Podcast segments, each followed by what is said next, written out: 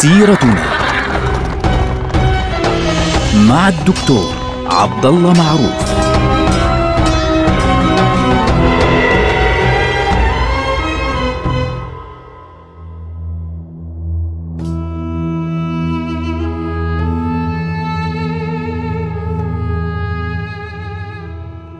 السلام عليكم ورحمة الله وبركاته. سيرتنا سيرة هذه الأمة، ونحن الآن في عهد سيكون مقدمة لاصطدام عظيم بين المشرق والمغرب في الحروب الصليبية. طبعا في الحلقات الماضية إخواننا تحدثنا عن آه، السلاجقة وعن دخول السلاجقة وتكلمنا عن البرسلان الذي جاء بعد آه، طورولبي وبالتالي آه، كان هناك يعني حراك عظيم جدا في تلك المرحلة في المشرق، لكن بعد وفاة البرسلان وجاء ولده ملك شاه الأول لكن بعد وفاة ملك شاه الأول تكلمنا عن انشقاق عظيم حدث بين السلاجقة أدى إلى انقسام دولة السلاجقة إلى أربعة أقسام وهذا الأمر أدى إلى تناحر كبير بينهم. سيؤدي لاحقا إلى ضعف عام يؤدي إلى سقوط المشرق يعني الإسلامي خاصة منطقة بلاد الشام. وبالتحديد الساحل الشامي وبيت المقدس في يد الصليبيين لاحقا. الآن في عندي في هذه المرحلة ستنتقل الكاميرا معنا الآن من الشام والعراق ونترك هذه المجموعات كلها وأيضا تنتقل من الأندلس أيضا التي نتركها في ذلك الوقت في عهد المرابطين إلى أن نسلط الضوء على منطقة مصر. ليه؟ لأن هذه المرحلة سيكون لها دور كبير جدا فيما سيحدث لاحقا. طبعا نهاية العهد البويهي وبداية العهد السلجوقي سواء في طورول بي في عهد طورول بي أو في عهد البرسلان أو في عهد ملك شاه الأول أو حتى بعد وفاة ملك شاه الأول هذه المرحلة بالكامل كان فيها في مصر خليفة فاطمي واحد. تخيل هذه المرحلة الطويلة جدا اللي فيها تغييرات كبيرة سواء في الأندلس في عهد نهاية عهد ملوك الطوائف الأولى وظهور المرابطين أو في منطقة بلاد آه، الشام وفي منطقة آه، العراق. بنهاية البويهيين الشيعة الاثني عشرية ودخول السلاجقة وبعد ذلك انشقاق السلاجقة بعد ضخامة ملكهم. يعني كل هذا الكلام كان في عهد خليفة واحد عند الفاطميين. طبعا هم يسمونها أنفسهم خلفاء لكن بغض النظر عن هذا الأمر. من هو هذا الخليفة الذي عاش طول هذه المرحلة وشهد هذه المرحلة والذي في زمنه تغير تماما الوضع بين عهد قوة شديدة للدولة الفاطمية إلى عهد آه، ضعف شديد للدولة الفاطمية. سيكون مقدمة لسقوط الدولة في أيام الاحتلال الصليبي. هذا الخليفة الفاطمي هو المستنصر بالله. طبعا إحنا تكلمنا في حلقة ماضية عن الحاكم بأمر الله. ذكرنا هذا الرجل اللي كان يعني رقب بالمجنون ويعني كان له أهداف وأعمال كثيرة جدا غريبة أدت إلى يعني ظهور بعض الحركات حتى الدينية مثل الدروز على سبيل المثال. ثم بعد ذلك بعد وفاته تولى ولده الظاهر لإعزاز دين الله الحكم. ثم بعد وفاة الظاهر تلقب ولده له اسمه الحقيقي معد. لقب بالمستنصر بالله واستلم الحكم. المستنصر بالله يعد أطول الخلفاء الفاطميين حكما. هذا الرجل حكم ستين سنة.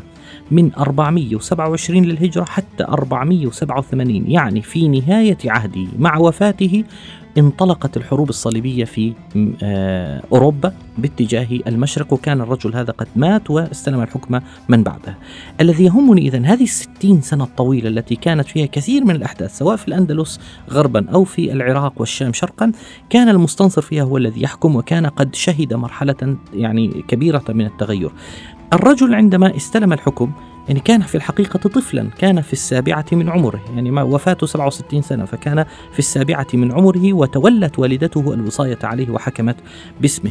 ففي عهده فقدت القاهرة مكانتها باعتبارها مدينة ملكية كانت يمكن أن تحكم العالم الإسلامي طبعا ولكن في عهده أيضا كان أقصى اتساع للدولة الفاطمية في أول عشرين سنة من حكمه. يعني من أم من لما كان عمره سبع سنين حتى كان عمره سبع وعشرين سنة امتدت الدولة الفاطمية إلى أقصى اتساع لها على الإطلاق. يعني مصر يعني شملت منطقة صقلية الحجاز اليمن آه، مصر جنوب بلاد الشام حتى وصلت القدس. وبالتالي المناطق المقدسة كاملة مكة والمدينة وبيت المقدس. ذكرنا سابقا أنها وصلت إليها الدولة الفاطمية في عهد سابق لكن في عهده انتشرت هذه الدولة لتصل إلى اليمن فعليا ولكنها تهاوت بعد ذلك بشكل سريع جدا. المرحلة الأولى من حكمه ما بين عام 427 إلى 450 تقريبا كانت عهدا آه، يمكن أن نسميه مرحلة آه، قوية إلى حد ما. المستنصر نفسه يعني كان صغيرا ثم شب في ذلك الوقت. وفي هذه المرحلة اللي هي بين 427 ل 450 للهجرة زار ناصر خسرو الرحال المشهور هو صاحب كتاب سفرنامة زار مصر في ذلك الوقت.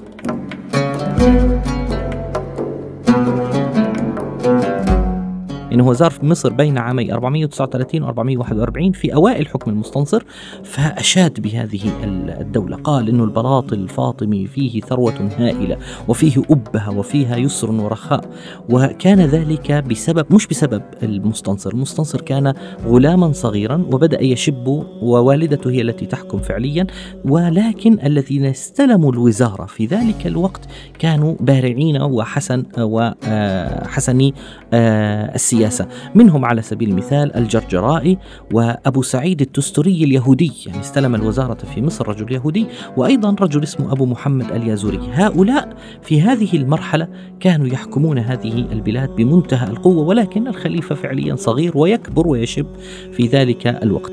مع وصول الفترة إلى عام 450 تقريبا يعني لنقل إن صح التعبير بعد حوالي 23 سنة من حكم المستنصر آخر 40 سنة من حكمه تقريبا أقل من 40 سنة تعرضت مصر إلى عدة آه، مشاكل.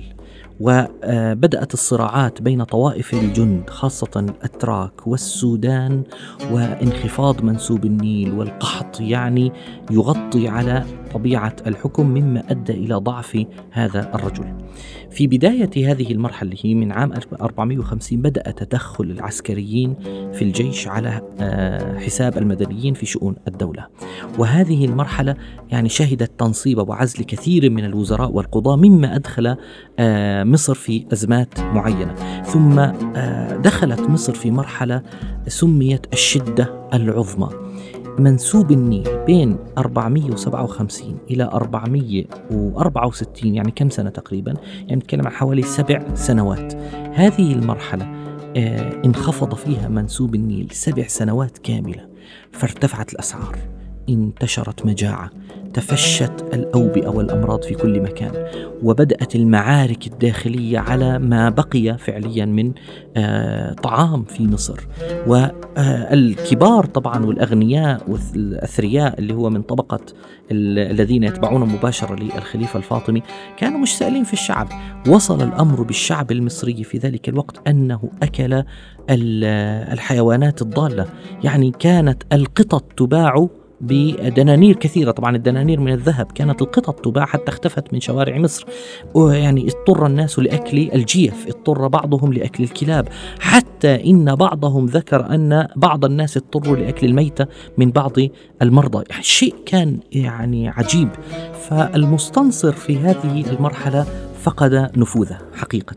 بدأ نفوذه يتقلص ويضعف وبالتالي اضطر آه، أمام هذا الصراع الشديد في داخل القصر أيضا بين الترك اللي في الجيش والسودان في الجيش. طبعا لأنه الكتاميين المغاربة كان يعني جده الحاكم بأمر الله قد تخلص منهم فعليا إلى لصالح الأتراك والسودان. فاضطر أمام الصراع الشديد وأمام هذه الشدة الكبيرة جدا إلى أن يستنجد بوالي عكا. والي عكا اسمه في ذلك الوقت أمير الجيوش بدر الجمالي. قيل إنه أرمني الأصل يعني يقال إنه أصله من أرمينيا. هذا الرجل بدر الجمالي هو والي يتبع فعليا الخليفة الفاطمي مش الخليفة العباسي. فولاء منهم وهو إسماعيلي المذهب.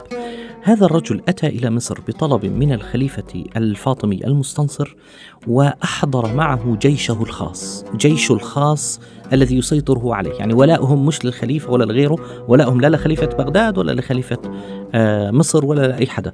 ولاؤهم لبدر الجمالي. هذا الجيش كله كان من الأرمن.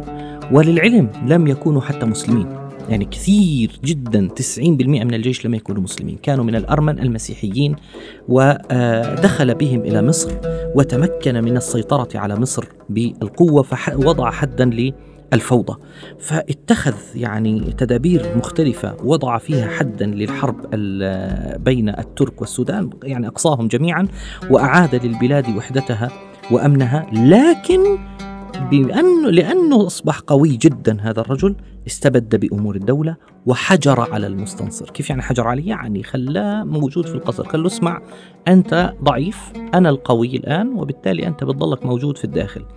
هذا الأمر سيؤدي إلى ظهور نظام جديد ودخول الدولة الفاطمية في طور جديد. سمي هذا الطور اللي هو الذي ستنتهي عنده الدولة الفاطمية نهائيا اسمه عصر نفوذ الوزراء. عصر نفوذ الوزراء.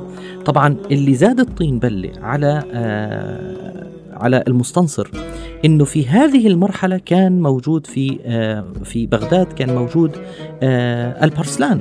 كان البارسلان قد انتصر قبل ذلك في معركة ملاسكرت في عام 463 وبعد ذلك تحرك البارسلان 465 كانت وفاته وملك شاه الأول اللي هو ابنه كان قوي جدا فورث عن والده آه، مكانة كبيرة جدا وتمكن من سحب نفوذ الفاطميين قبل أن يصل بدر الجمالي إلى مصر كان آه، ملك شاه الأول. وقبله البارسلان قد سحبوا نفوذ الفاطميين من كثير من المناطق وأدخلوا الشام مرة أخرى إلى حوزة السلاجقة وبالتالي إلى حوزة آه، الخليفة العباسي. فبدر الجمالي كان بهمه فعليا ملكه الخاص فدخل إلى مصر ورتب أمور الدولة وحجر على المستنصر وأضعف المستنصر بالكامل. فالمستنصر صار يعني مجرد واحد موجود آه، بكل بساطة في هذه في هذا القصر لا يستطيع أن يتحرك بقوته إطلاقا. فطبعا البارسلان كان قد آه، تمكن من آه، ضم عدد كبير من مناطق بلاد الشام. وبعد ذلك فعليا دخلت في عهد ملك شاه الأول دخلت مدينة القدس ودمشق وكلها. يعني بعد سنتين فقط 468 بعد سنتين فقط من دخول بدر الجمالي إلى مصر تمكن ملك شاه الأول ابن البارسلان من سحب بلاد الشام بالكامل. دمشق آه، والقدس كلها آه، من يد الفاطميين. طبعا الفاطميين سيستعيدون بيت المقدس في فترة بسيطة بعد ذلك لأنها ستسقط من أيديهم في يد الصليبيين. لكن في ذلك الوقت يعني الفاطميون آه، مشغولون بصراعاتهم الداخلية. بدر الجمالي منشغل بنفسه ومنشغل بحكمه ومنشغل بتثبيت حكمه والمستنصر ضعيف. المستنصر قبل وفاته كان آه، بدر الجمالي قد توفي وسلم الأمر من بعده لولده الأفضل، الأفضل ابن بدر الجمالي الذي تابع سياسة والده في الحجر على المستنصر والسيطرة على الحكم فعليا، وبالتالي هذه المرحلة بكل بساطة يمكننا أن نسمي أن نسميها بداية فترة السقوط المدوي للدولة الفاطمية لأن الأفضل ابن بدر الجمالي كان يحكم مصر عندما سقطت من بين أيديها آه، مدينة القدس ومنطقة آه، ساحل الشام الجنوبية يعني التي كانت تتبع مصر. وتنتهي هذه المرحلة بوفاة المستنصر في وجود الأفضل ابن بدر الجمالي. طبعا الأفضل ابن بدر الجمالي استعان بقوته فعليا ونصب على الحكم الشخص الذي هو يريده. كان المفروض واحد اسمه نزار هو الذي يستلم الحكم فرفض الأفضل ابن بدر الجمالي ذلك ونصب أخاه الأصغر اللي هو المستعلي لأن أم المستعلي هي أخت الأفضل. يعني الأفضل ابن بدر الجمالي أخته تزوجت الخليفة المستنصر رغما عن أنف المستنصر يعني قال له الأفضل بدك تتزوج أختي. وبعد ذلك ابنة يعني ابنة بدر الجمالي اللي هي أخت الأفضل ابن بدر الجمالي ابنها هو الخليفة المستعلي. ومن هنا تبدأ مرحلة جديدة مرحلة الضعف الفاطمي. هذه المرحلة خلالها تبدأ الحملات الصليبية الكبرى التي سيكون لها دور مدون في التاريخ وأثر حتى اليوم. نلقاكم على خير. والسلام عليكم ورحمة الله وبركاته.